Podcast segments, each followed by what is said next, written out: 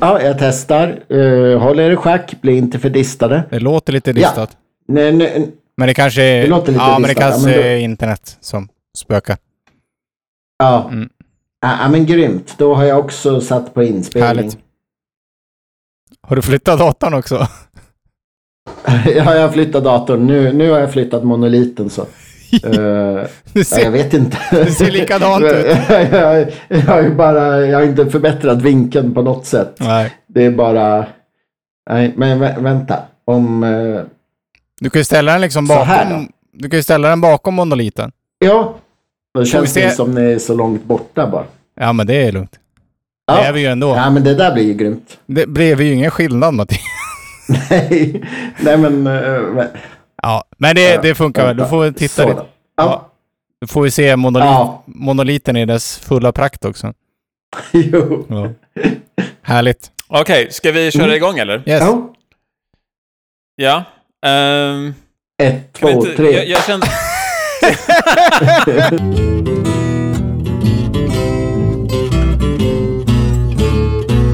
Ja, vä- välkommen till Bron över Rättvik. I dagens avsnitt så har vi lyssnat på en radiodokumentär som heter eh, Rebellerna. Eh, som vi går igenom. Eh, pratar om kulturrevolutionen som aldrig blev av i Sverige. Och lite vad de här eh, rebellrörelsen sysslade med under året när de gick under jorden. Det blir kul. Eh, lyssna vidare. Allt kul de hade. Allt kul de hade. Onda ögon och så vidare. Hur Eh, kul det kan vara att leva under jorden. Ja, precis. Eh, så lyssna på det. Det kommer nu. Ja, men ni har ju svikit proletariatets diktatur! Ha? Har låtit er besmittas av girighetens välfärd! Det är så här, första gången gjorde, någon, någon gjorde menskonst, det var väldigt spännande. Ein Verlangen. Ja, ja. War der Meinung und so weiter ein Verlangen. Das ist gut, Markus. Gut, sehr gut, sehr gut. Bra, Markus. Bra, bra. Så, alle Kinder. Alltså, säg efter mig bitte. Idén till det här avsnittet, där vi har fått från en, eh, en kär lyssnare. Janus. Som tyckte att vi skulle... ta- Som tyckte, tänkte att det här med rebellrörelsen, det vore väl spännande och, om ni pratar om. Just. Så vi får ge lite shout-out där till, till Janus för, för, för att han har... eh, För han kom med en bra idé. Big up! Um, hurra, hurra, hurra. Tack, tack Janus. Eh, men, ehm, så hur som helst, eh, och det är anledningen till att vi um, alltså jag tänkte att vi skulle titta på rebellrörelsen här då. Det, det är ju liksom att det kan ju fin- Dels är det ju en väldigt rolig hi- historia, liksom svensk politisk historia, så där. men det är ju också, tänker jag, så vi har ju alla varit liksom involverade i olika vänsterprojekt eh, över åren sådär. Och alltså, även om kanske ingenting har gått så här eh, roligt och tokigt som, som, det blev, som det blev i Stockholm 68 så, så kan, man ju ändå, kan det ju finnas politiska tendenser kanske som man, som, som man kan se och som kanske inte, kanske inte går lik, fullt lika långt, men det kan ju ändå vara någonting som man kan vara lite vaksam på kanske. Jo. Så det kan ju vara både roligt och lite sådär viktigt att komma ihåg sådär saker. Eh, så, så det var så jag tänkte i alla fall med att eh, det här, tänkte att det här, ja, det här blir ett bra, ett bra tema. Ehm, och så. Och det kan man väl säga som så här, att så, filmen uh, Miss and Miss in Sweden, det är ju lite av en uh, Rosetta-sten kan man säga för Bron över Rättvik, eller hur? Ja, ja. Eh, det har ju blivit, blivit ett liksom, avgörande verk så. Och, då, så. och det finns ju en klar koppling där till dagens avsnitt. Och det är alltså den, ett... Uh, Mr. and Mrs. Sweden avbildar ju liksom en av de här maoistiska cellerna i Stockholm under och Uppsala i 68. Just. Ehm, det sägs ju liksom inte uttryckligen i filmen att de är en del, att de är rebeller, men de har ju liksom bilder på Mao och så, så jag tänker ändå att man kan, eh, vi kan utgå från att de är liksom en del av samma politiska tendens. Ja. Eh, och jag tänker liksom att, alltså, and Mrs. Sweden sparkar ju liksom åt massa olika håll. Eh, eller hur? Den sparkar ju liksom på vänstern och högern och liksom allting sådär. Men jag tänker att Nobelpristagare Lars Forssell där, den har ju liksom ändå rätt, tänker jag, i sin kritik av den här politiska rörelsen. Och den, den förtjänar att förlöjligas och eh, skrattas åt. Ehm, eh, och, och just att det är liksom en relevant rörelse att titta på idag. Och, och dra paralleller till liknande tendenser. Liksom, tänker jag inom, nu tänker jag, jag vet inte om ni håller med, men att det kanske är mer tendenser som jag egentligen ser liksom inom den så akademiska och liberala vänstern. Eh, och, och vi har tittat på, vi har lyssnat på Bosse Lindqvists radiodokumentär Rebellerna, som är från 2009. Eh, så det är liksom den som ligger till grund för, för, eh, för avsnittet idag. Ja, du har inte läst någon bok i alla fall. Och sen har vi också läst lite olika böcker och sådär. Eh, men vi utgår från den här Rebellerna. Vad Tyckte, vad tycker ni om den? Ja, men det var ju... Eh, både- radio... Mm. Ja, radion, eh, ja, jag har ju bara lyssnat på radioinslaget, eller dokumentären. Men den var ju både liksom intressant och jävligt ledsam, eller liksom ja. bitvis hårresande liksom. Hur jävla Ja. långt det, det liksom drevs och hur det skruvades, eh, ja, skruvades till liksom. Jävla, jävligt fascinerande. Jag är ju besviken bara på att de in, det, det roligaste med rebellrörelsen var ju när man ockuperade Kinas ambassad. Och eh, höll en folktribunal mot personalen och satte på dem dumstrutar. Och det är ju väldigt bra beskrivet i böckerna men eh, det, det är inte, det tas inte upp alls i dokumentären.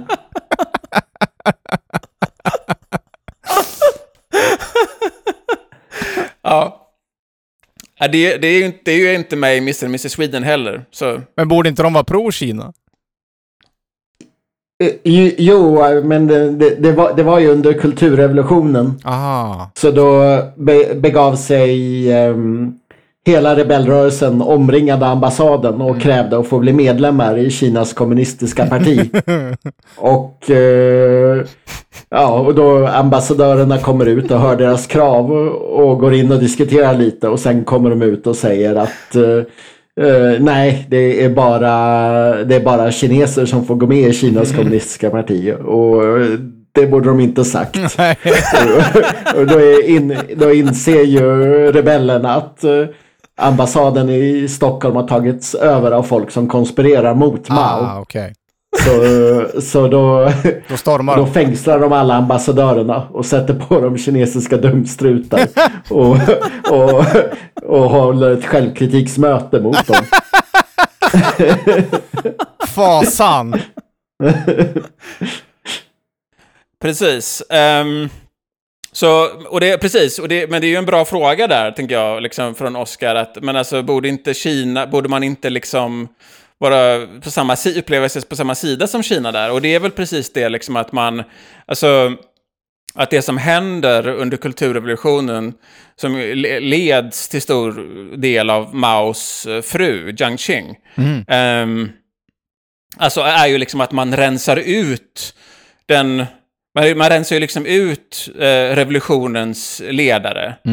Eh, och, och alltså de som hade lett den första revolutionen, så att säga. För man säger att de sviker, alltså de har, de har, de bär på massa liksom gammal så här konfus, konfucianistisk moral och skit som liksom saboterar och de, de underminerar liksom revolutionen inifrån. Just. Och det är därför vi måste liksom, vi måste liksom, revolutionen är inte bara en fråga om arbete mot kapital, utan det är också, vi måste också ha en inre revolution inom oss själva där vi liksom, eh, ja, eh, avrättar eller gör oss av med eh, de som, det är det inom oss som håller oss kvar vid det här gamla, fula, liksom feodala samhället. Just det. Så. Ehm, eller hur? Ehm, så, och det, och så liksom det, är ju- det, det är mot bakgrund av det, alltså, av, den, av den historiska bakgrunden som allt det här händer. Och, alltså, och också i världen vid det här tillfället, så, så Vietnam försvarar sig mot USAs invasion. Det är upp upplopp och strejker i Paris, det är upplopp i Stockholm. Man har liksom, och det pratar de ju också om, det är liksom något av det första man hör i den här dokumentären, är liksom hur man har, en, man har en känsla i alla fall i vissa kretsar liksom av att den här världsrevolutionen står för dörren och att liksom Ja. den här trötta gamla sovjetiska kommunismen, den, den gör vi oss av med och nu istället så ska vi ha de här liksom eh, här- liksom den här eh, kulturrevolutionen ska svepa över världen på något sätt. Ja.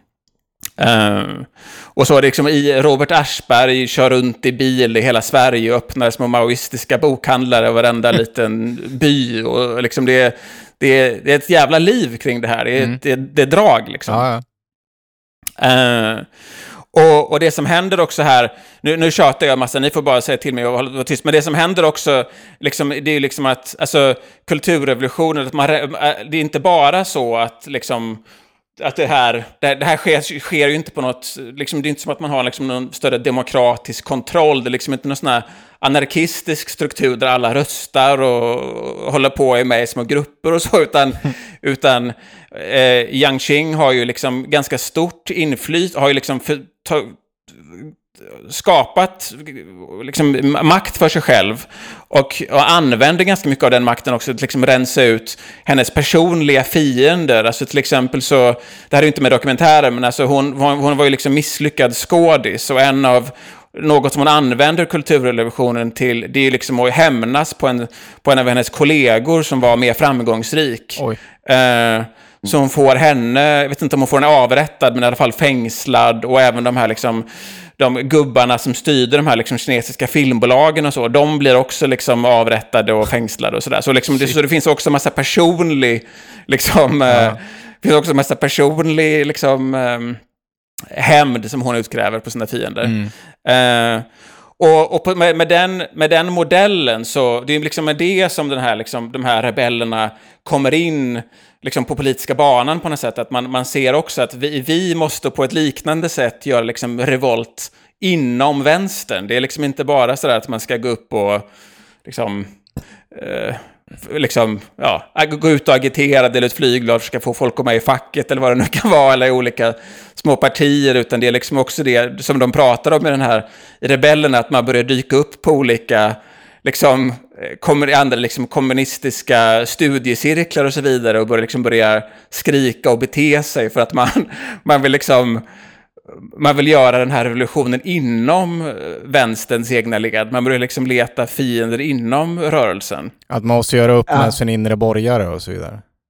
Precis. Ja. Och att kamraterna är liksom inte tillräckligt radikala. Nej. De kanske är liksom borgare, precis, precis som du säger, de är borgare i hemlighet. Ja. Liksom, de, har, de klam, klamrar sig fast vid sina här borgerliga värderingar på något sätt. Mm. Och, och den här dokumentären då, det, den inleds med att en, det är en kvinna, jag vet inte vil- vilken av dem, men det är en av kvinnorna som har intervjuat som, som börjar med att hon berättar, och det är liksom också den här, det är så roligt då, den här liksom eh, naiviteten då som är blandat med det här att hon berättade om att hon trodde att revolutionen skulle vara som en stor fest. Ja. Att den var liksom berusad av, av känslan att det var något på gång och så. Utan, Och sen så blev det ju ingen fest, det blev ju liksom en, en mardröm. Men, men att hon liksom hade någon sån här liksom hippie-idé sådär om att det kommer bli jättekul och mysigt och så. Och sen ett, ett år senare så, Klipp. så har någon tagit hennes barn ifrån henne och så. Ja. Ehm, Det var nästan Men i alla fall, mest, dokument- mest hemska med det där, tyckte jag. Hur de bara rövar bort alla barn liksom. ja, Fruktansvärt. Det borde ju vara en varningsklocka kan man tycka. Ja. Ja. Eh, Men eh, i, eh, i den här dokumentären då i alla fall, så de intervjuar ju liksom då fyra personer som var med i, i rebellrörelsens inre krets. Och, det, och då, det är också ganska roligt när man tittar på vad de har för jobb då, för det är två konstnärer, en musiker och sen en, en läkare någonstans. Ja. Så det är ju liksom, det är lite roligt också att titta på klassammansättningen då, på, med, på de här, ja, precis. Mm. de här på säga radikalerna också- och så. Att dokumentären är... mm, Om man har läst böckerna så är ja, li- lite innan dokumentären så, eh, så försöker man ju vara en utåtriktad rörelse och deltar i kårhusockupationen och försöker ha några möten för att väcka massorna. Ja. Och, och, och när de inte går så mm, det, det är då man, eh, det som är med i dokumentären är ju helt när man bestämmer sig för att fokusera på den inre verksamheten. Precis. Och gå under jorden. Och det, det är en av del som är med då, Gittan Jönsson som är konstnär. Eh, hon berättar att nå- någon kom, till, de, hade, de hade jättetrevligt då i någon lägenhet på Söder, stor lägenhet på Söder. Där hon bodde och de hade jättetrevliga sådär, vegetariska middagar.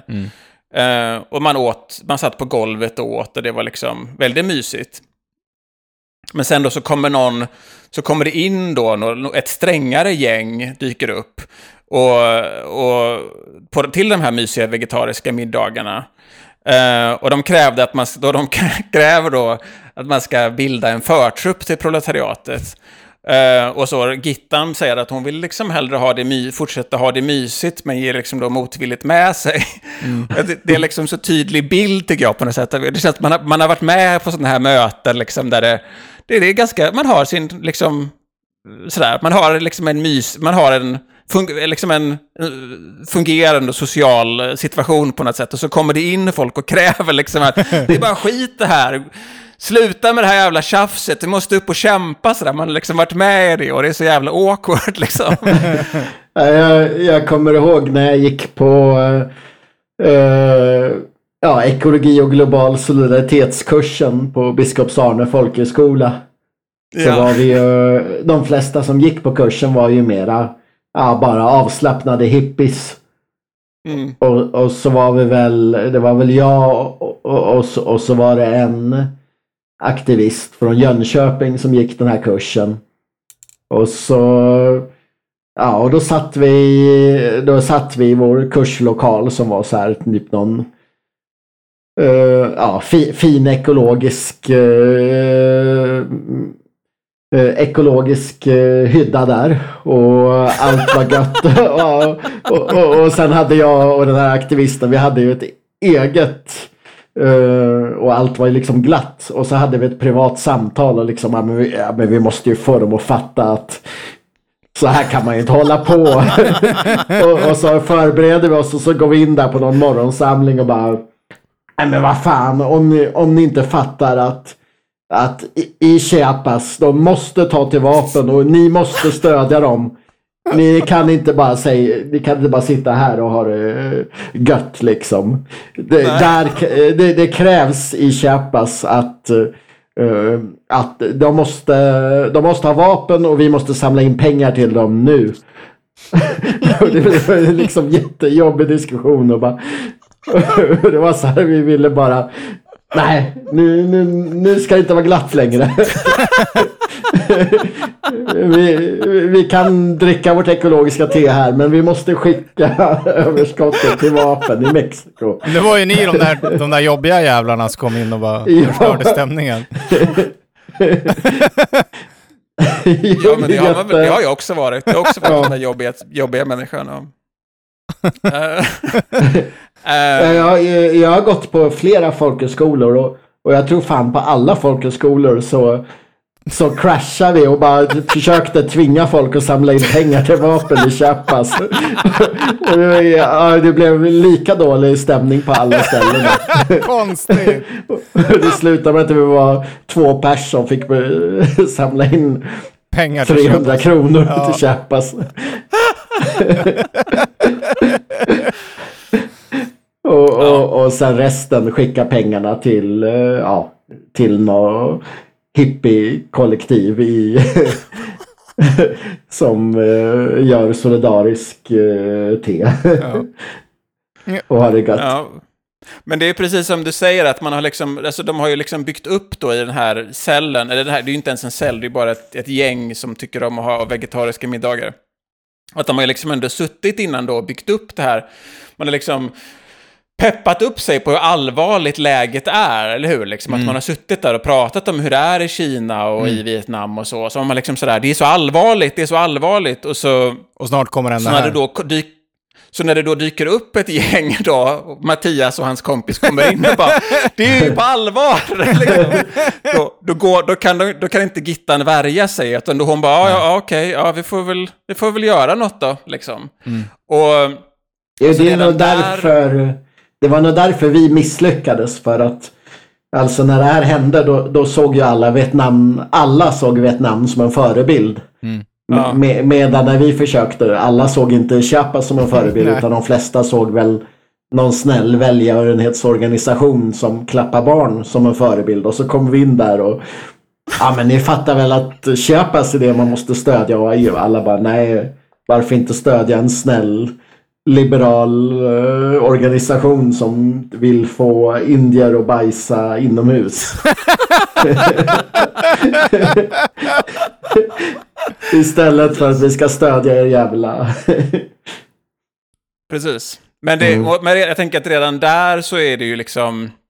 Så se, alltså, det det är inte redan där, alltså det finns ju många steg innan det här också, där man ser att det här är liksom dömt att misslyckas. Men, men det är ju liksom... Att det är liksom ett gäng konst, för de är ju, det är ett gäng konstfackstudenter, ehm, också som liksom då inte pratar om sina egna politiska frågor eller villkor. och sådant. Man, liksom, man, man pratar bara om hur det är i Vietnam, liksom, och det är ju viktigt så med internationella, med solidaritet och så vidare, men, men det kan man ju liksom inte bygga en politisk rörelse på. Ehm, och sen, och- utan då, istället är det det här dåliga samvetet som, som de drivs av då, som skuld och skam för att vara rik i väst och så vidare.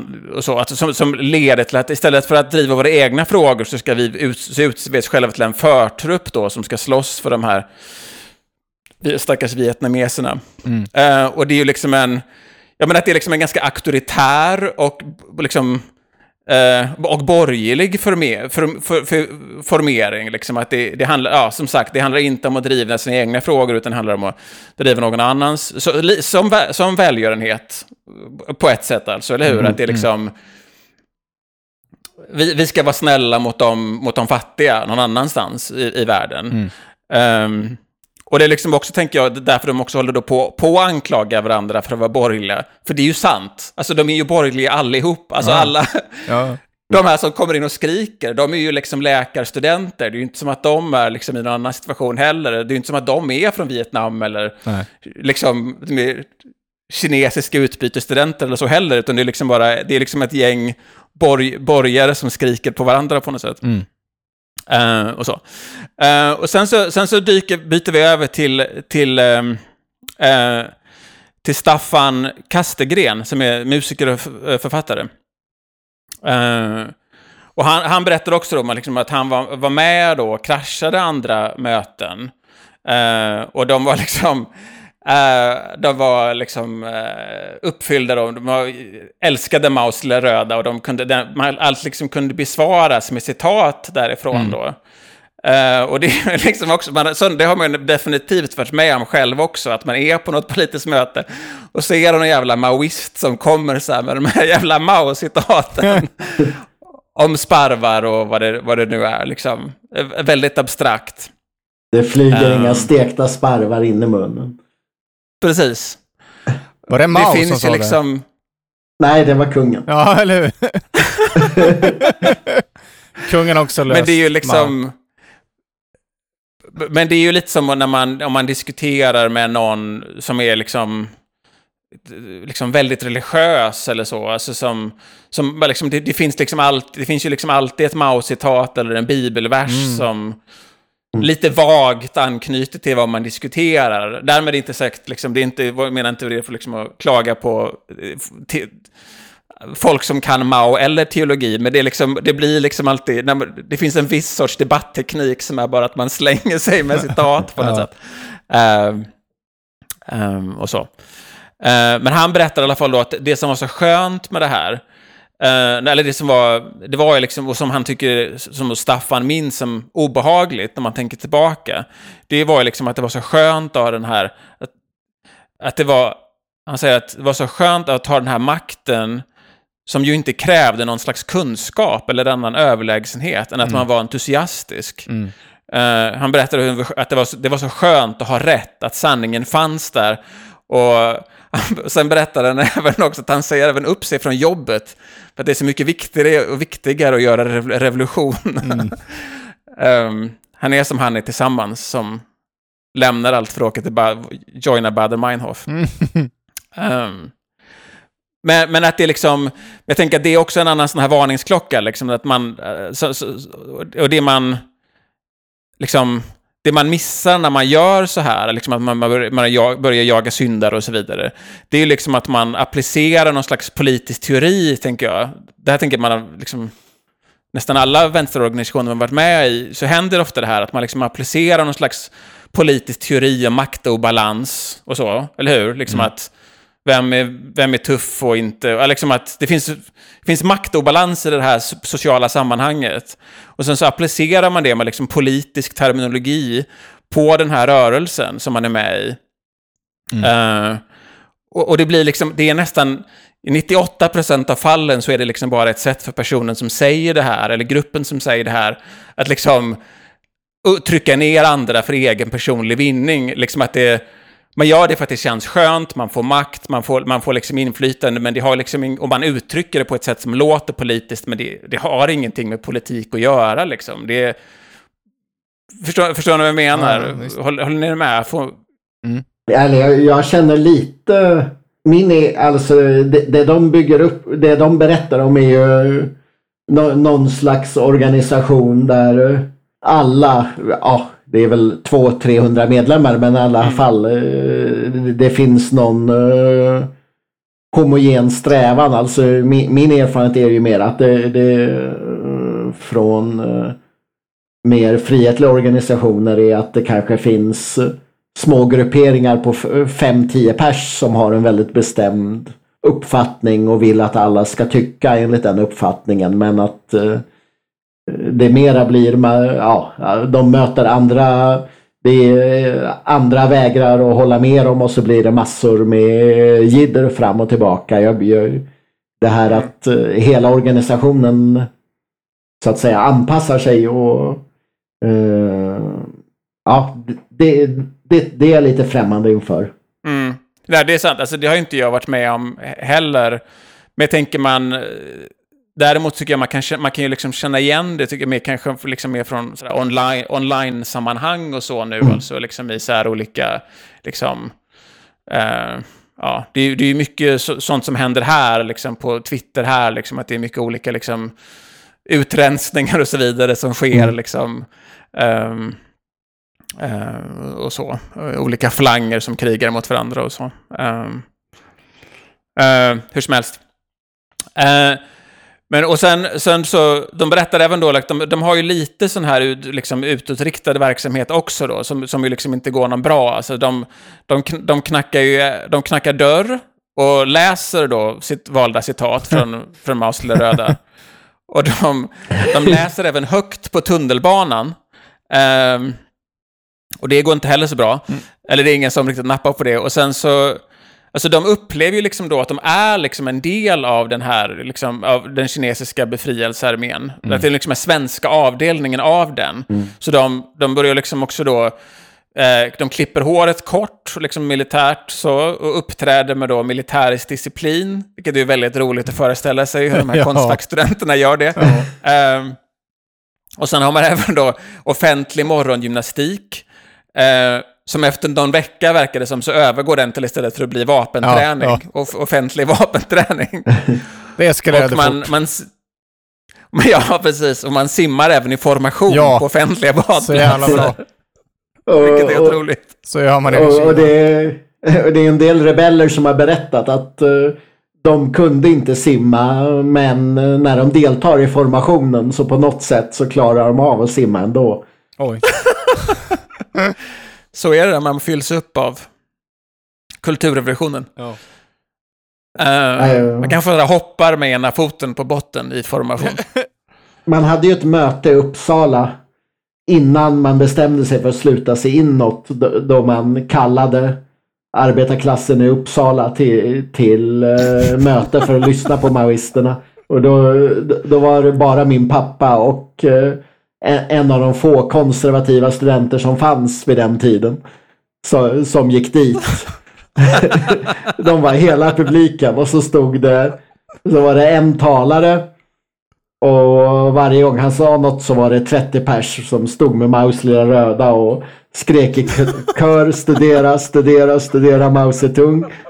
Och sen på slutet så, så säger talarna "Ja, och nu bjuder vi in eh, folket här. Nu får ni säga ert.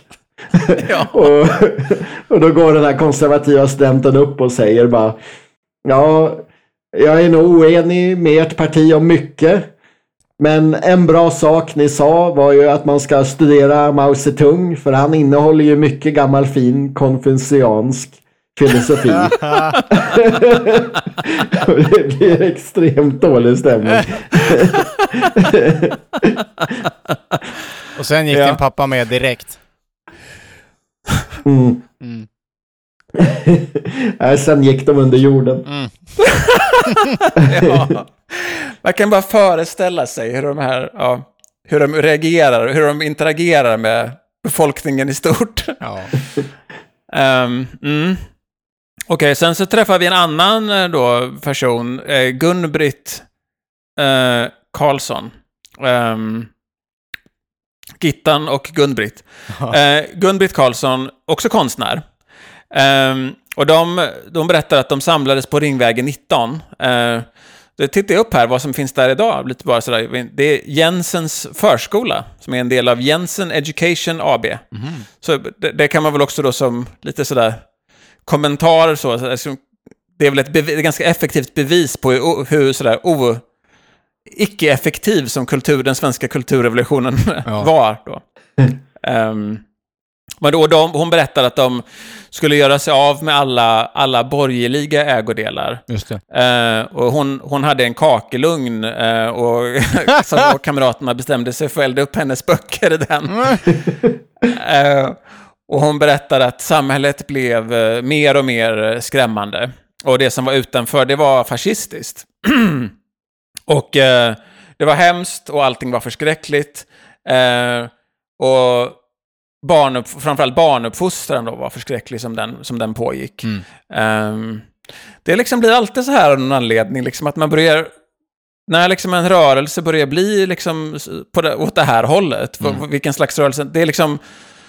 Det är liksom alltid barnuppfostran i samhället, det är liksom bland det första man börjar oroa sig för. Ja. Hur barnen, Ja. hur uppfostras barnen och hur fel det är, hur Ja. de uppfostras. Det är liksom oavsett ideologi så blir det så. Ehm, men, och då, i alla fall, men massorna, de, de reser ju, som Mattias säger, de reser sig inte då, trots de här formationssimningarna och så. Eh, utan, och istället då så bestämmer man sig för att, på det här då mötet som Mattias pappa bevittnade så, att man, vi, vi får, eh, vi vänder oss inåt istället och rensar upp i de egna leden. Och det är då 29 maj som man beslutar sig för att, för att gå under jorden. Eh, och då alltså, det är ganska tydligt tycker jag då, speciellt med Mattias anekdot här, alltså vad det är som händer. Om man tittar på det liksom nyktert. Att anledningen till att de här konstfackstudenterna och socionomerna, socionomerna blir, det var ju liksom att de blev så jävla mobbade i samhället att de liksom inte klarade av att vara ute bland folk. Det är det som det här handlar om. Ja. Eh, att liksom, man, man klarar bara av att förödmjukas så pass mycket. Eh, och sen efter det så blir man ju, okej, det, det är för svårt där ute, vi får, vi får göra revolution i, i vardagsrummet istället. Ja. Så. Eh, det är för läskigt. Eh, och det som händer då är liksom att man säger upp då bekantskap med vänner och familj. Mm. Eh, och 100 av 500 medlemmar går liksom in i de här specialcellerna liksom, då, liksom de här... Det finns, ja, tydligen 400 rebell, eller liksom maoister och så, eller de, i, i, med rörelsen som liksom lever fritt i samhället. Men en femtedel går in i de här, ja, går under jorden. Eh, och Staffan då, som vi tittade på förut, han berättar om hur fem, sex personer flyttar in i hans etta och bodde där man då har storfamiljsliv. Fy fan. Och då är det liksom självkritik och, och det handlar liksom om att ta hand om, göra sig av med borgaren inom sig och kontrarevolutionären inom sig. Och där har vi ju liksom sett det i Miss and Mrs Sweden också då, hur, hur han, en, Bruno Wintzell där, får, får skit när han kissar borgerligt och så. Just det. Ja, men, Alltså skillnaden är ju att de har ett eh, stort härligt ställe. Ja. Precis, det är ju Ja. Lars Forsells eh, parodi då, att liksom... Eller hur? I, i, Mr. Mrs. Sweden så bor de i, en, bor de i ett eh, palats. Men i själva verket så var det små ettor på Söder. Mm. Ehm, och han beskriver ju då liksom, eh, liksom att eh, organisationen som ett svart hål som håller på att implodera. Att liksom man, bara, Ja. man bara sitter i de här jävla lägenheterna och fräter ner varandra liksom. Eh, och så. Och de här rebellerna liksom förväntas ju då be bekänna olika synder då. Eh, och sådär, där man får olika ledande... Man får liksom olika ledande frågor då, sådär. Vad gillar du bäst? Och så vad man än säger så kan man ju liksom hitta, det är ju inte så svårt, då kan man ju liksom hitta något borgerligt, något Ja, ja. borgerligt med det som man, kan som man kan anklaga personen för då. Om man bryts ner och förlorar självförtroendet och så. Eh, kan man tänka sig, ja men liksom väldigt effektivt säkerligen. Ehm, och liksom det, det här klärs ju liksom upp, att man liksom klär upp liksom då, eh, det här är vad jag, som jag tänker att, vad jag tänker att det händer, men jag tänker upp liksom att, alltså det som händer på något sätt är ju liksom att man klär ju upp liksom olika, liksom personliga intressen i liksom politisk terminologi då. Och, och det har man ju liksom, det kommer jag ihåg också att jag liksom, att man gjorde, att jag gjorde liksom i ton, att man gjorde i tonåren liksom så här att man, ja, gillar, man gillar inte någon och då säger man så här, ja ah, jävla sexist eller han är rasist, alltså man kan liksom, det går ju liksom alltid att hitta, ingen är ofelbar, det går ju alltid att hitta någon anledning till att någon, någon politisk anledning till att Ja. någon är oskön liksom. Ja. Ehm, och det tänker jag liksom, det är väl, liksom, tänker jag, den stora skillnaden mellan liksom så här massrörelse, alltså tänk, politisk organisering tänker jag, det handlar ju liksom om att man, man är organiserad tillsammans med människor som man kanske inte tycker om. Mm. Alltså, vi har gemensamma intressen, men vi behöver inte tycka om varandra nödvändigtvis. Det är viktigt att vi kan, typ kan liksom, umgås på ett Liksom, vi kan umgås på ett respektfullt sätt, men vi behöver inte hålla med varandra om saker. Vi behöver inte tycka liksom att du är underbar, en underbar människa. Du kanske liksom mycket väl kan ha en del fördomar och så vidare, men skitsamma. Alltså, det går inte att uppnå politiska mål om man inte liksom, är beredd att eh, jobba med folk som man inte gillar. Mm, nej. Ehm, och så. Men hur som helst, och de gör, men det här blir ju väldigt tydligt, eller väldigt tydligt exempel på motsatsen i alla fall, tänker jag. Mm. Eh, och så, hur som helst, så vi fortsätter. Och nu, nu kommer ju då en, liksom en av de mer extrema sakerna då, att man börjar separera barnen från deras föräldrar. Ja, fy. Eh, för av, av någon anledning så, då, så, har man ju då titt, så upplever man att då föräldrarna, de har borgerligt inflytande över sina barn, så de får inte träffa dem. Så istället så skapar man en hemlig barncell. ehm, där alla barnen bor, och den ligger i Vasastan någonstans, men det är liksom hemligt var den är. Ehm, eh, och ja, det är ju liksom, som föräldrar, vi är ju alla tre föräldrar, det är ju liksom jag tycker det är omöjligt att förstå hur någon, liksom hur man skulle kunna, hur... Man går Ja, men med på ifall det. någon, ja, om, om det här skulle hända en, att någon skulle ta ens barn ifrån en för att, för att man håller på och lajvar liksom, kulturrevolution. Mm. Hur sjukt det är att någon... Eller det säger ju inte något om hur inne i det här man var, att Ja. man går med på det här. Otänkbart. Det är väl, eh, ja, det är, någon, det är väl någonting med att det var en annan tid, att det fanns väldigt många unga föräldrar. Ja, ja, men precis, de är ju typ 22-23 allihop liksom. Mm. Och jag tror också att, de är, att nästan alla, alltså så får man göra bilden av alla, alla som är med är ju liksom människor som har levt ganska... Det, det här det är ju ingenting man säger, men, det, jag får en bild av det i alla fall. Att alltså, men jag tror att de allra flesta har levt ganska trygga, snälla liv och man, har liksom inte, man är inte van vid liksom att det ska finnas massa konflikt. Vad gör man i en situation där någon kommer in och försöker sätta sig på en? Mm. Man har liksom inte ens jobb, man har inte ens arbetat, man har liksom inte ens liksom erfarenhet av att liksom, liksom hantera konflikter på det sättet, eller med ens chef, eller Nej. man har liksom ingen Nej. Livserfarenhet alls, så man, man blir liksom helt ja, maktlös. Ja. Eh, Men jag... Den här- ja, förlåt Mattias. Ja, nej, jag tänkte... eh, Om man kollar på eh, Knutbysekten så är det ju så här tydligt att ja, det ledarna vill är knulla massor.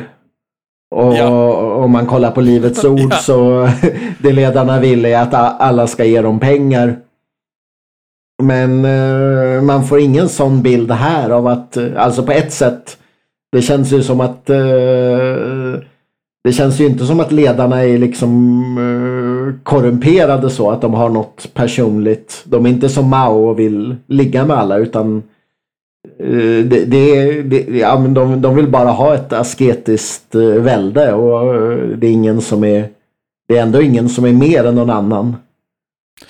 Fast jag tror, jag, får, jag tror att det lågs en hel... Alltså, det här är ingenting som jag vet, men det är en, man, får- jag tycker man får den bilden av att liksom... Att den där spanjoren ska ha... Ja, precis. Jag tänkte vi skulle just komma till det. Alltså man, Ja. Rörelsen leds ju av en, av en spansk eh, kommunist. Francisco Sarrion, som uppträder under aliaset Fredrik, Fredrik Svensson. Ehm,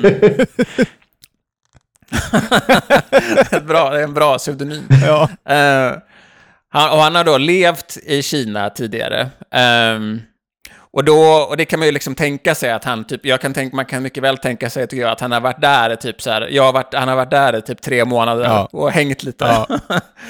och de blev oerhört imponerade de här. Ja. Eh, ja, studenterna.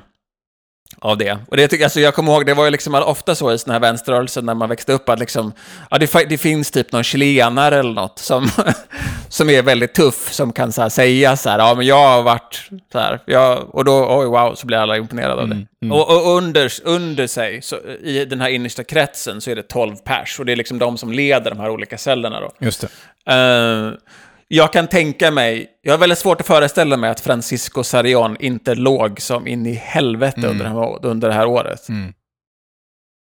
Det har jag väldigt svårt att tänka mig. Men det är ingenting man som sägs, men det är bara Ja, som, det finns inga källor på det. Nej.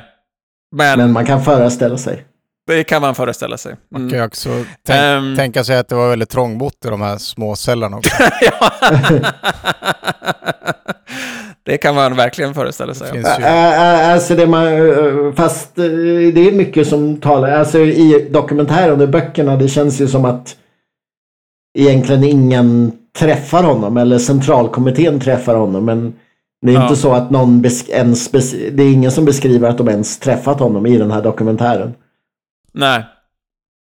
Men ja, ja alltså, Mm. men det är svårt. Någonting fick han ju, alltså det är, om, man, sk- om man skapar en sekt liksom som det här är. Någonting får, som du säger, någonting, får, någonting fick han ju ut av det. Det är inte bara som Mm. att han liksom, mm, mm. Ja, ja. Eh, men och sen då så, vi får mera information då sen av de här olika mötena då, de här kritikmötena. Och det går liksom till så att man tar upp någonting som någon har gjort eller sagt. Och det är en anekdot där Gun-Britt, jag tror att det är Gun-Britt, eh, berättar ehm, eh, att hon har stått upp för någon. Alltså det är någon, det är någon kille som blir anklagad för någonting. Eh, och alla liksom gaddar ihop sig mot honom. Um, um, och då är det no uh, eh, uh, eh, och då- är det någon som använder liksom ett Mao-citat för att försvara den påhoppade. Mm. Eh, och citatet går ut på att man måste tala vänligt med folk för att de ska kunna ändra sig. Ändra sig. Det är ju bra. Det låter som ett ganska bra Mao-citat. Ja. Eh, men då är det eh, den här killen då som blir påhoppad som Gun-Britt försvarar. Att då, då han sällar sig till påhopparna mo- mot henne. För att han, då, och menar då liksom att han kommer, att hon försöker liksom, kommer med borgerligt inflytande och, och liksom försöker ta över honom, eller Mm. liksom försöka korrumpera honom med borgerligt inflytande. Så då får hon liksom alla emot sig för att hon, hon försökte liksom jujits, använda jujit, liksom ret- retorisk jujitsu Ja, ja, ja. med Mao mot dem. Men det, det går liksom inte.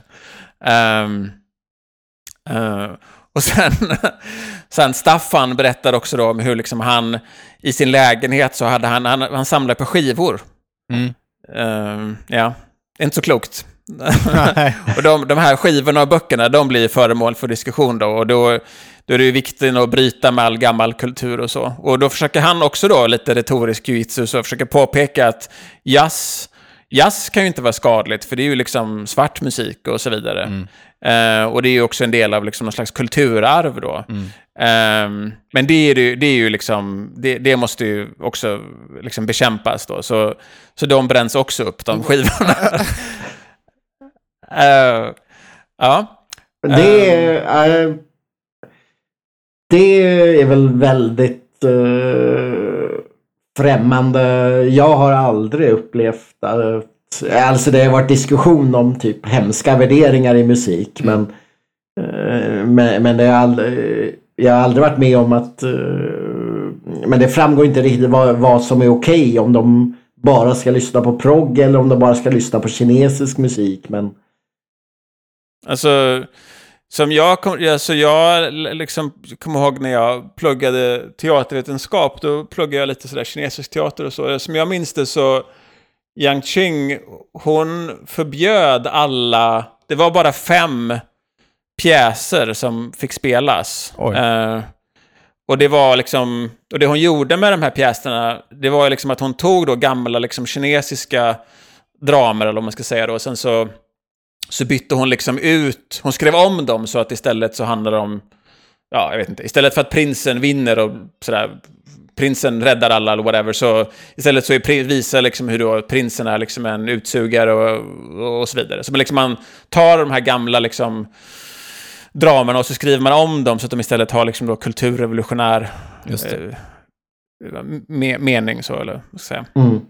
Uh, så jag kan tänka mig att det var nog egentligen all musik som inte var i linje med ja, uh, vad man pysslade med i Kina. Så mm. det var nog egentligen all musik som var dålig. Tror jag. Jag ställer mig um, bakom att... Jag ställer mig bakom initiativet att bränna upp jazz i alla fall. Djävulens musik. Ja, det finns en viss... ja, ja, jo det är sant. Ah. Men det är ju liksom... Men jag, för det, jag håller med, alltså det är ju inte... Det är, Alltså, på, det, är, det är ju ingen som har några skivor idag, men, men alltså, däremot tänker jag liksom att den här idén att folk inte kan ta till sig kultur, ja. den mm. tycker jag man stöter på ganska mycket, alltså ja. både på, till höger och vänster. Alltså, alltså så att man har en, ofta en idé om så här, ja, jag, jag förstår att liksom att uh, varg Vikersnäs eller whatever. Jag, jag, vet att han är nazist och därför kan jag lyssna mm. på den här musiken. Men folk i allmänhet, mm. de kan inte det. De förstår inte. Så därför är musiken problematisk. Ja. Alltså, jag mm. kan ta till mig att den här Nobelpristagaren är pedofil. Och därför kan jag läsa hans böcker, whatever. Men folk, de här andra, de kan inte det. Pöben förstår inte, de måste skyddas. Ja. Liksom. Mm. Den, den attityden tycker jag man stöter på väldigt mycket. Mm. Den är genomsyrar nästan all liksom så här, liberal vänsterkulturdebatt. Mm. Uh, liksom att de otvättade massorna kan inte förstå.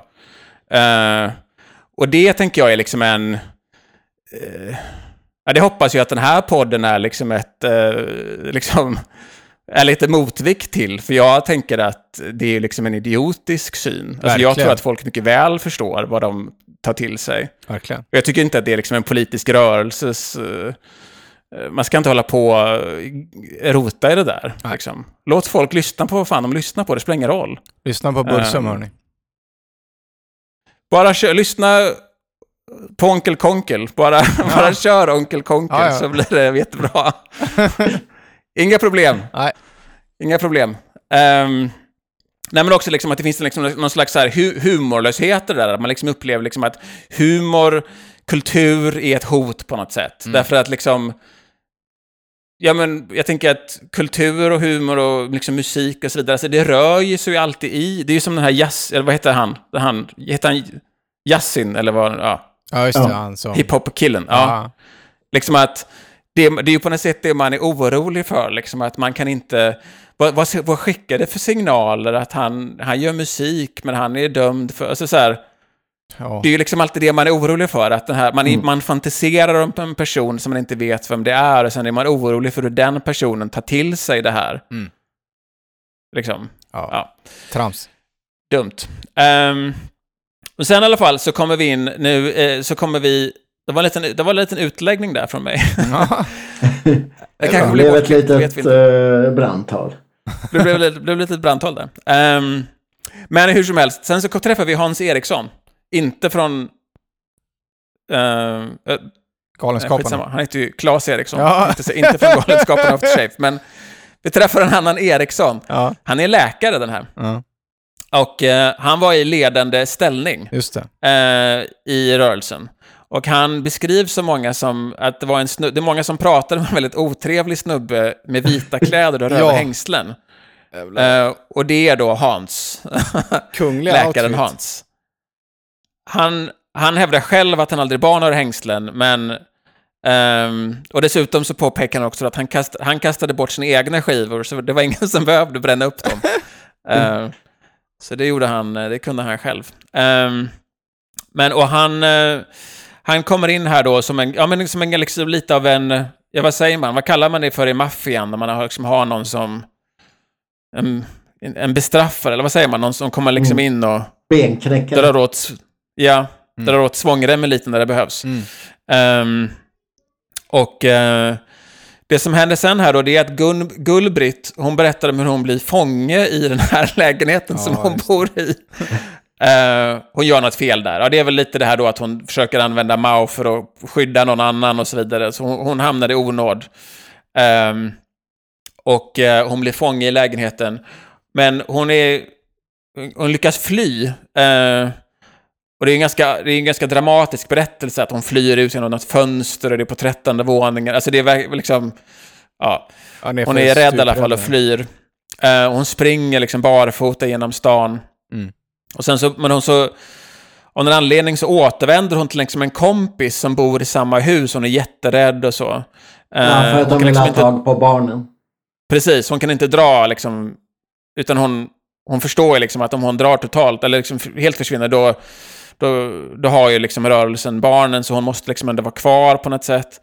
Och, och de här rebellerna då, de som hon bor med, de kommer ner då till den här grannen och ringer på dörren och de säger liksom att allt är okej. och sådär, det är, det, du är förlåten, kom, kom upp igen och så. Ehm, och hon... eh, och det är, de ljuger ju såklart och hon, eh, hon hamnar sittande i den här lägenheten igen. igen. Eh, och centralkommittén då, de tvingar henne att skriva en, en självkritisk bekännelse. Eh, och hon, någon, och då, och då, som hon ju liksom sitter och har massa ångest för att skriva och sådär. Och sen så läser någon upp den här och underkänner den. Och säger att det är som mitt livs novell. Eh, och hon måste låsas in igen som straff. Och nu är hon en fiende och då hör hon, och hon sitter inlåst där, att de här andra då, de säger så här, ska vi skära halsen av henne eller ska hon få leva? Eh, och några, det här är något som återkommer också, att några i gruppen säger att hon har onda ögon. Just det. Eh, och därför får hon inte se andra i ögonen. Det är mycket, ehm, det är mycket prat om de här onda ögonen. Som, ja, det känns också som något som förekommer i många sekter, att det blir ofta mycket prat om folks ögon. Ja. Ehm, nej, jag hade fel här tidigare, och det är då hon lyckas fly ut genom ett fönster Just på det. fjärde våningen. Just det. Och hon lyfter med två engelsmän. Eh, och här gör hon liksom upphoppet om de här, liksom att hon måste bara iväg och det är jätteallvarligt. Eh, och det, är- och det är ganska, det är en ganska rolig anekdot där, de, de här engelsmännen som hon lyfter med, och då har hon liksom varit inlåst i den här sekten i typ ett år. Och då frågar de henne så här vad hon, vad hon gör. Eh, och då, säger, då känner hon liksom ändå någon slags överjagspress på att så här svara och säga att hon är revolutionär. Ja. Och sen när hon har lyftat färdigt, då hon lämnar bilen, då, då skriker hon länge leva revolutionen till de här två engelsmännen. Eh, det är ju lite rörande att hon, ja. Mm. ja. Och sen är det en annan snubbe, eh, King, kingen i den här dokumentären. Mm. Eh, det är en annan snubbe som också sägs vara folkets fiende. Ehm, ehm, Stenen. Han kallas för, ste, han kallas för ste, Stenen. Jävla Och han mäktig. ansågs fullkomligt oförbätterlig. han var så borgerlig att det gick inte att göra något åt honom. Liksom. Och då, då, de, då binder man hans händer och kör ut honom i skogen. Ehm, och det... Uh, liksom det går, hur, för hur mycket man än hotade och kritiserade så gick liksom inte att göra någonting av. Liksom, han bättrade sig inte. Ehm, och man kör ut honom i skogen och ka- ska kanske avrätta honom, kanske, men han, ehm, sen så kommer det någon och de kommer av sig hur det nu Mm. och sen så åker man tillbaka så är det, så är det väldigt, väldigt dålig stämning i den här bilen där man åker tillbaka med stenen in till stan igen. det, Ehm, det kom ju en polis förbi och frågar hur, hur var det här? Och då plötsligt inser man ju att man står på samma sida och säger att nej men det är, inga, det är inga problem, allt är bra. Och då Just känns det fel sen och, och avrätta honom eller vad de tänkte göra. Mm. Ja. Eh, och Staffan berättar då att han hade kvar sin tjej på insidan. Ehm, han har lämnat då. Och, och han har kvar sin tjej där och hon övertalar honom att komma tillbaka. Eh, och han, han får höra då hur de har haft medan han var borta. Och att det var också någon, mera ögon här, då är det någon tjej som försökte trycka ut sina ögon. Hon hade också, hon hade också kontrarevolutionära ögon som försökte, försökte hjälpa till där och ta bort dem. Ja, mycket med ögonen. Ja. Eh, och sen... Eh, och sen då så är det... Och då är det liksom... Sen så eh, berättar man då att man ska ha ett massmöte i Uppsala dit alla re rebeller ska. Ehm, för att kontrarevolutionärer har upptäckts i centralkommitténs kärna. I det här gänget med 12 då, gissar jag. Som var nära den här spanjoren. Mm. Ehm, och de här fångarna, de ställs inför någon slags folkdomstol då. Mm.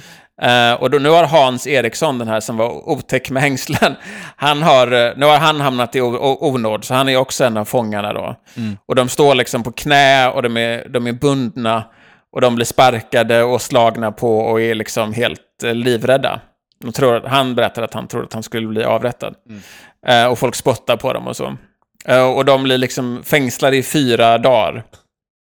Eh, eh, och, men då, då på det här mötet då, då åt, då, för det är ju de här, det var ju 100 av 500 rebeller som gick in i de här cellerna, men på det här massmötet så är ju även de här, i alla fall ett gäng av de här 400 som inte gick under jorden med också. Ja. Och det är, man får liksom bilden av att det är första gången som de kanske egentligen för, förstår vad som har hänt då på insidan, att det är, de dyker upp på det här mötet då, sen är det liksom, har man, det är ett möte där man har fångar som ja. spottas på och så.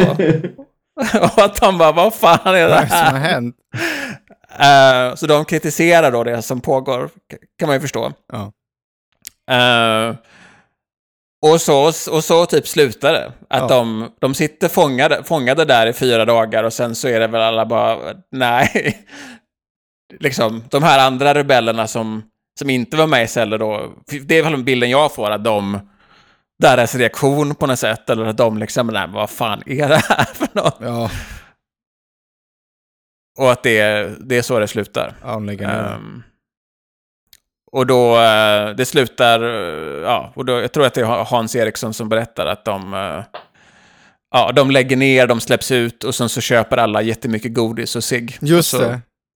Och så var det inte mer med det. Ja, vad fint. Och, de har, och sen så de här, den här barncellen då, den, den dumpas av på, hos den här grannen som vi hörde förut, där Just det. Ja, och, eh, och de hade, det verkar som att typ barnen har haft det okej. Mm.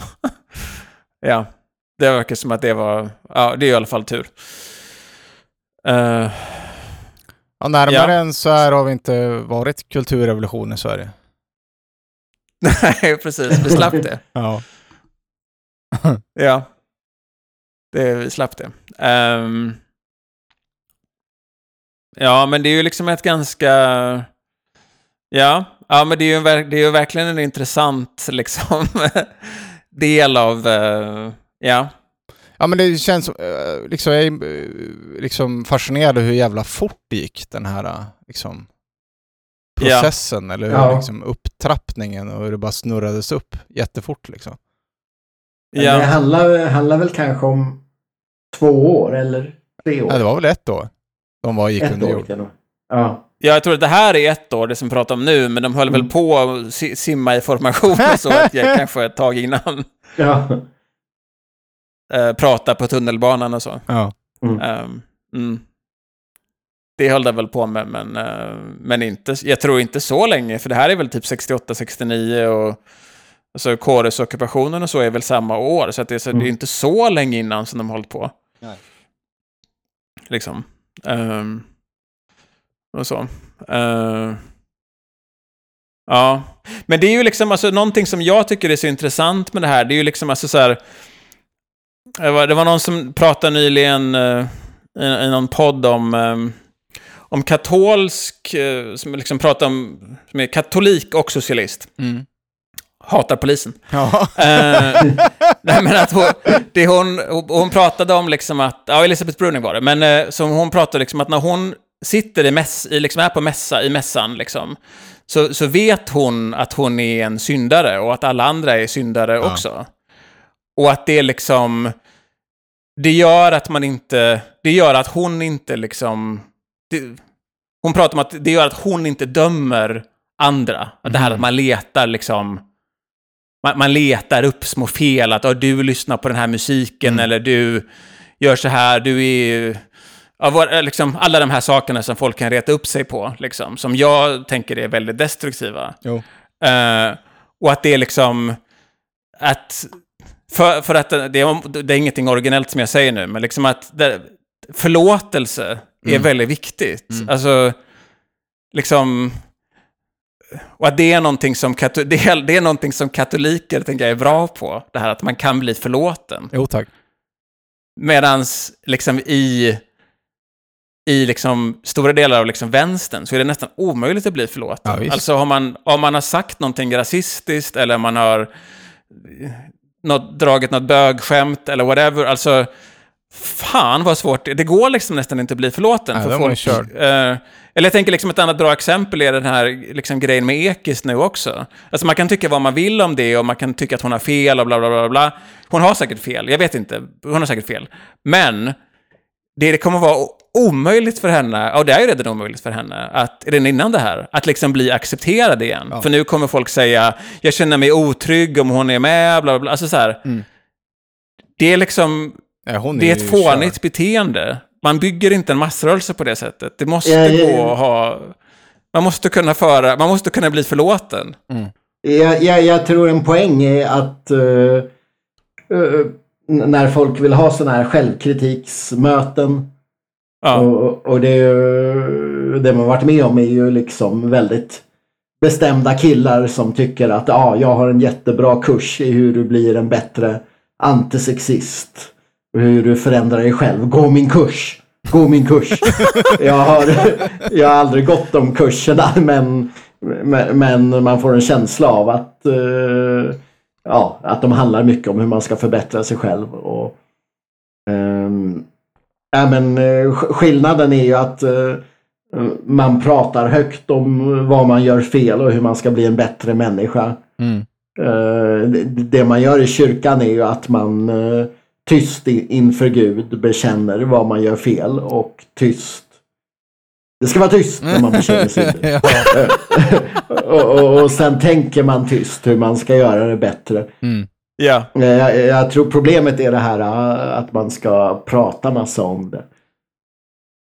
Jag Ja, jag håller med. Alltså, det här är Mm. liksom att, det drar, att man drar upp det, och, och det är väl liksom en del liksom, som har mycket på Twitter, liksom, att det blir, alltså, eller hur? Att det liksom, i de här liksom offentliga, att det liksom det, jag tror jag har rätt, alltså det, det, här, det är inte någonting för ett offentligt forum, det är någonting som man kan ta med den, liksom, om någon, jag är med och jag är på DSA och det är liksom någon som säger någonting som jag blir ledsen av, då kan jag väl ta upp det, då tar jag väl upp det med den personen då, men jag behöver liksom inte, Mm.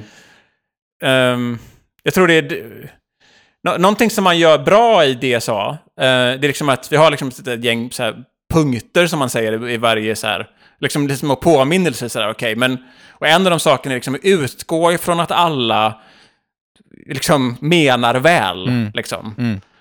Utgå ifrån att när kamrater, även om de säger någonting som låter klumpigt eller som inte är som du skulle ha sagt eller whatever, alltså utgå ifrån att de menar väl, för att det blir så lätt annars i sådana här, liksom, ja, i, i vänsterkretsar framför allt, att man sitter och letar syndare på det här sättet alltså. Ja. Det är så fruktansvärt destruktivt. Mm. Eh, och så. Så det är, ja, jag tycker det, var, det är en väldigt bra dokumentär det här. Jag tänker vi, vi, vi länkar till den såklart. Det gör vi. Eh, ehm, ja, men, eh, och väldigt rolig också. Alltså, i sig. Fruktansvärd, men också väldigt rolig. Synd att de inte fick tag på stenen. Hade velat höra han. Ja, jag, om Stenen lyssnar på det här Ja. så vill vi gärna göra en intervju. Lätt. Eh, en of, oförbätterlig borgare. Ja. Ett föredöme. Ja, Mm. ja men verkligen. Eh, som oförbätterlig borgare får man väl säga det. Man, man ser väl det också skräcken att det är ingen det är ingen tydlig hierarki med någon i hackordningen utan det slutar med att de högsta ledarna ställs inför. Mm. Ja, det är några av dem i alla fall. Ja, Mm. Ja. Den här spanjoren kan man tänka sig klarade sig nog. jo. Men det är väl precis så, alltså det är ju precis, men det är precis så som det gick i liksom Kina också, att alltså de här... Just det, första vågen. Liksom, man, ja, man äter upp dem liksom sådär. Nu skrattar det- ja. du inte längre, Marcus. Ja, det är väldigt, destru- det är väldigt, det är väldigt eh, destruktivt alltså. Det är Mm. inte ett bra sätt att bygga en, Rörelse. så, bygga Mm. en massrörelse på. Ehm, också för att man framstår som helt jävla CP. Liksom. Ja. men, men inte bara det, men det Mm. hjälper ju liksom inte Mm. alls. Nej. Eh, Jag, jag vet, jag läste något om, det var någon snubbe. Han skrev ett brev till Mao och bara Tjena Mao, jag har kommit på en sak. Den här kulturrevolutionen, den suger ju. Lägg av med den. och, så, och så skickade han den till Mao och brevbäraren läste ju brevet och samlade ihop typ 20 andra brevbärarkollegor som gick hem och gav honom lite proletärt dyngstryk. Ja. Men, men eh, de var ju ändå trogna sina plikter så de skickar brevet vidare till Mao. Och Mao läs, läser det och skriver ett svar bara. Ja, fan du har rätt. Det här suger. Jag, jag, jag ska nog stoppa den här kulturrevolutionen. Det, det, det är ju bara skit. Och skickar tillbaka och brevbäraren bara oj, oj, oj, oj. Ja, men alltså man får liksom, jag tycker när man får bilden som man får, eller jag har i alla fall av kulturrevolutionen är liksom att det är ju liksom ett sätt för Mao att eh, också, för att liksom, han använder frun där, Jiang Qing, för, för, som liksom, för att göra sig av med hans egna politiska fiender Mm. liksom, inom rörelsen. Liksom, att det är ett sätt att... eh, nu, får vi säkert massa, nu får vi säkert massa hat från olika maoister som lyssnar på det här, men vi skiter i det. Eller de får, de får väl säga, de får väl göra det då. Men man, man använder kulturrevolutionen som ett... Liksom, för Mao är det bara ett politiskt vapen för att centralisera makt och göra sig av med politiska fiender. Ehm, Och få ligga. och få, och få Mm, ligga säkert. mm.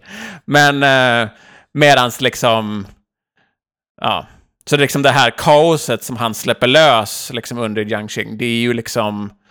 Eh, det är ju främst för att eh, göra sig av med ett gäng mäktiga liksom, Mm. motståndare. Mm. Ehm, men det, eller så var det brevbäraren också. Det kan ju vara, så kan det vara istället. Men sen när Jiangxing inte är användbar längre så, så kastas hon ju bort. Just det. Vad, vad hände med henne då? Hon spärras in sen och sitter eh, på livstid. Och sen så... Hon är ju väldigt eh, ambitiös. Alltså hon börjar ju sen samla på sig. Alltså hon är ju... vär- Men när hon, när hon har makten där, då är hon ju typ världens mäktigaste kvinna under flera år. Ehm, och hon möter ju liksom Nixon när han kommer och så. Mao är ju så gammal när Nixon kommer. Mm. Så det är ju Jiang Qing som typ guidar honom igenom allt. Och hon tar, Nixon bevitt, är ju, är ju, bevittnar ju en av de här skådespelen som hon, som hon eh, har regisserat och skrivit. Eh, så Nixon måste ju sitta där och lyssna på det här jävla lätena i två timmar, eller hur långt det nu är. Eh, vilket är väldigt roligt. Men, ehm, men, eh, men sen så, just det, hon spärras ju in och då, då börjar hon liksom samla på sig typ lakan och så. Jag tror hon typ sitter inspärrad i 12 år eller 10 år, eller ganska många år i alla fall. Men så pass länge så att hon till slut liksom har lyckats liksom binda ihop alla de här små trådarna och snörena och så till en snara och hon hänger sig själv så, i cellen. Mm. Efter, ja, men efter lång tid. Ja. Ehm, eh, ja. Mm. Ett ambitiöst fruntimmer. Jo. Jo, Och med de orden. med de orden Man, ska akta sig för ambitiösa fruntimmer. Ja, Är, det slut, är det där vi slutar? jag tror det. Kinesisk visdom. Ja, Konfucius moral. ja.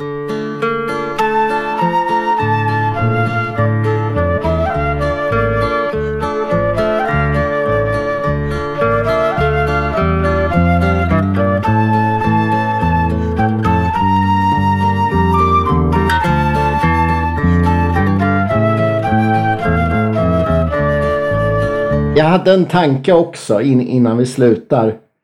På just eh, ja, men att det blir väldigt konstigt när man eh, kopierar ett annat land. Eh, Ja, ja. Det nya Peru. Som, lite som, lite som uh, Chiapas där ja, Eller Sverige är det nya Peru. Men, när, när jag var på Hvitfeldtska när det inringades.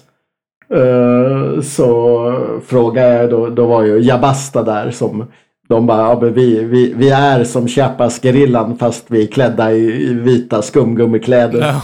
Ja. och använder aktivt icke-våld. Och bilringar och så och, blo- och ballonger Mm. slåss vi med polisen. Mm. Och, och då frågade jag Jabastas ledare, ja, vad är det som händer då, när polisen inringar? Och han bara, ja, det är precis som i Chiapas när paramilitären kommer och ska massakrera indianerna. och, Exakt så. och det, ja, det var väldigt konstigt. Precis så. Ja. En annan grej var någon, det var någon så här eh, Palestina-demonstration. eh, För, först så var det att man skulle storma Nalen för att det var någon det var någon insamling till, eh, till bosättare där. Mm. Ja. Och det var en eh, mera militant aktion men alla som var på demonstrationen ville inte delta i det. Men sen de som var mindre militanta diskuterade hur ska vi göra då? Ja, men vi måste ge folken vi måste ge stockholmarna en känsla av hur, hur det är i Palestina. Mm. Så eh, vi går ut i vägen och stoppar all trafik så de får känna hur det är att sitta i en checkpoint på Västbanken. Ja. Ja. Det, ja, Togs emot väl, gissar jag. Ja, liksom det. Ja, ja, det är både Chiapas och, och palestinierna egentligen kanske behövde är ju kanske någon som sitter i kostym i tv och förklarar varför de måste göra som de gör där borta. Eller kanske ännu Ja. äldre, två arga unga män som stormar in på hippiemöte och säger att nu måste samla in pengar till vapen i Chiapas. ja, Det är det de vill mest av allt. Ja. jo. det sitter som kommendant Marcus sitter där. Jävla Röker på liv det kommer bli på folkhögskolorna i Sverige nu. Ja. 300 Vi måste kronor till kampen! På varenda folkhögskola måste, måste deras teinsamlingar gå till mig. De ska alieneras från sina klasskamrater. De kommer att bli så illa omtyckta. Så bra ska det bli i Sverige. Mm, Ja, ja. Ja, ja, men det blir väldigt konstigt. Alltså... Alltså jag tycker, alltså det är ofta, alltså... Det är, men det är ju liksom en ganska tydlig tendens, eh, liksom ofta, tänker jag, man tänker liksom inom delar av vänstern också, att det, liksom, det finns alltid någon sån där... eh, Det här är en Zizek-spaning, så jag bara snor den nu, men det är ju liksom, jag tänker att det är sant, att det finns liksom nästan alltid liksom någon annan plats liksom, där, där vi ska vara, som vi ska vara hoppfulla om. Liksom, att det är, det är Kina, eller det är i, eh, på Kuba, eller det är i Chiapas, så, där den riktiga socialismen byggs. Mm. Eh, så vi ska liksom vara, vi ska vara peppa, eller Peru, så, vi ska vara peppade på det. Så. Vi ska inte hålla på och bygga så mycket socialism hemma, så, utan vi ska vara jätteglada för hur bra det är där borta. ja, Eh, det är ett ganska effektivt sätt att liksom... inte få något gjort. Har inte fått något gjort, ja. ja, precis. Eh, eller att bli väldigt konstig. Ja, väldigt konstigt också. Ja, efter, efterapa något väldigt konstigt. Det, det, det, var Ja. ju någon, eh, det var ju någon rättvis snubbe som sa till mig och Erik. eh, När, Vad var det vi sa? Vi sa att vi skulle åka ner till Chiapas. Eller sa vi bara att vi tyckte bra om Chiapas? Jag vet Ja. inte. Ja, då sa han det, det där är ju det är helt främmande konflikt. Det kan ni ju inte tycka någonting om. Han Det har är rätt. farligt. Ja. Jo, men det är väl bra. Men, men alltså, jag kommer ihåg när man var, liksom, var yngre, så där, liksom, att hur... Liksom alla, det var ju liksom mycket så här... RKU-are och även en del vänstrar som var så jävla peppade på Kuba. Alltså, Mm.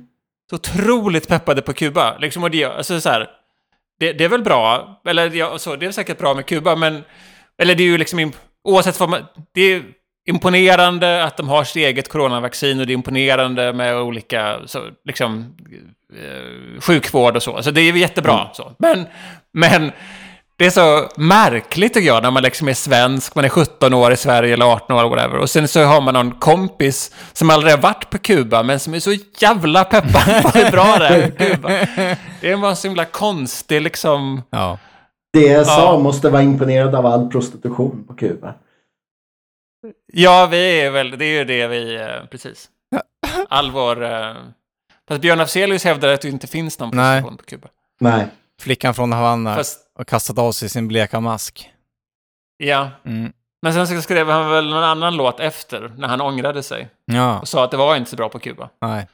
Eh, Oj, Så jag vet inte. Han kanske tar, det kanske är prostitution där då. Jag vet inte. just det. Um, tänker att Björn Afzelius behövde ingen prostitution för att få komma till. Nej, han...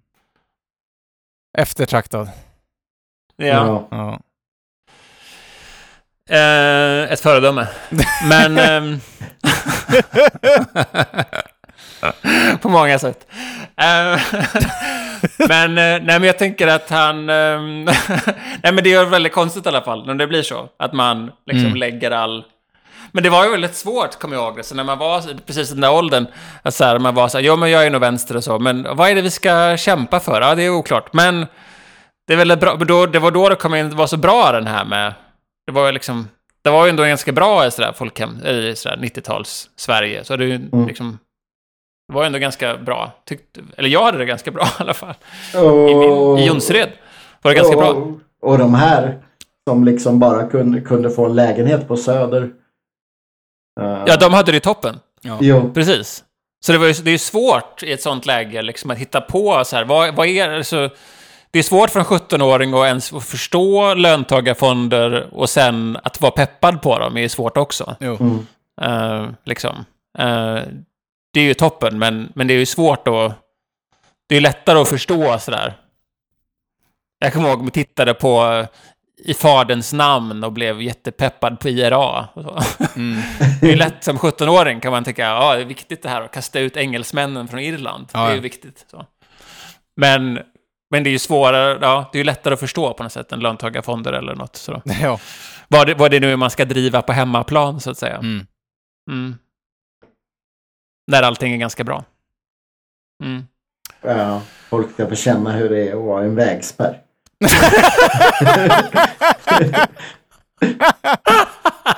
Nu jävlar. Jag kommer ihåg det. Den där vägspärren, den, den- den stoppar en buss och så kommer ut, och så kommer ut en gammal pensionär och, och, och nitar en Palestinaaktivist och, och skriker "Ja, men jag måste till Frihamnen.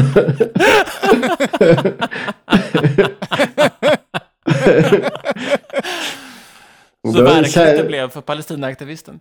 Jo, eller eh, i alla fall så fick den där pensionären uppleva sina privilegier som stockholmare. För på Västbanken, ja, på Västbanken lär han ju inte kunna göra så. Liksom. Det visade den svenska fascismen sitt rätta ansikte. Ja. Ja. Jag bara måste till Gaza. Kom igen. ja. En palestinsk pensionär går ut. Nu ska du få känna hur du känns. Sitta i en vägspärr. Nu lyfter vi blockaden.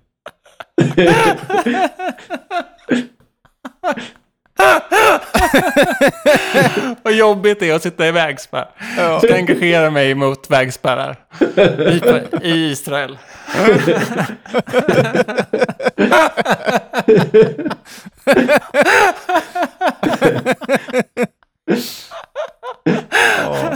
Shit. Ja, bra. Ja.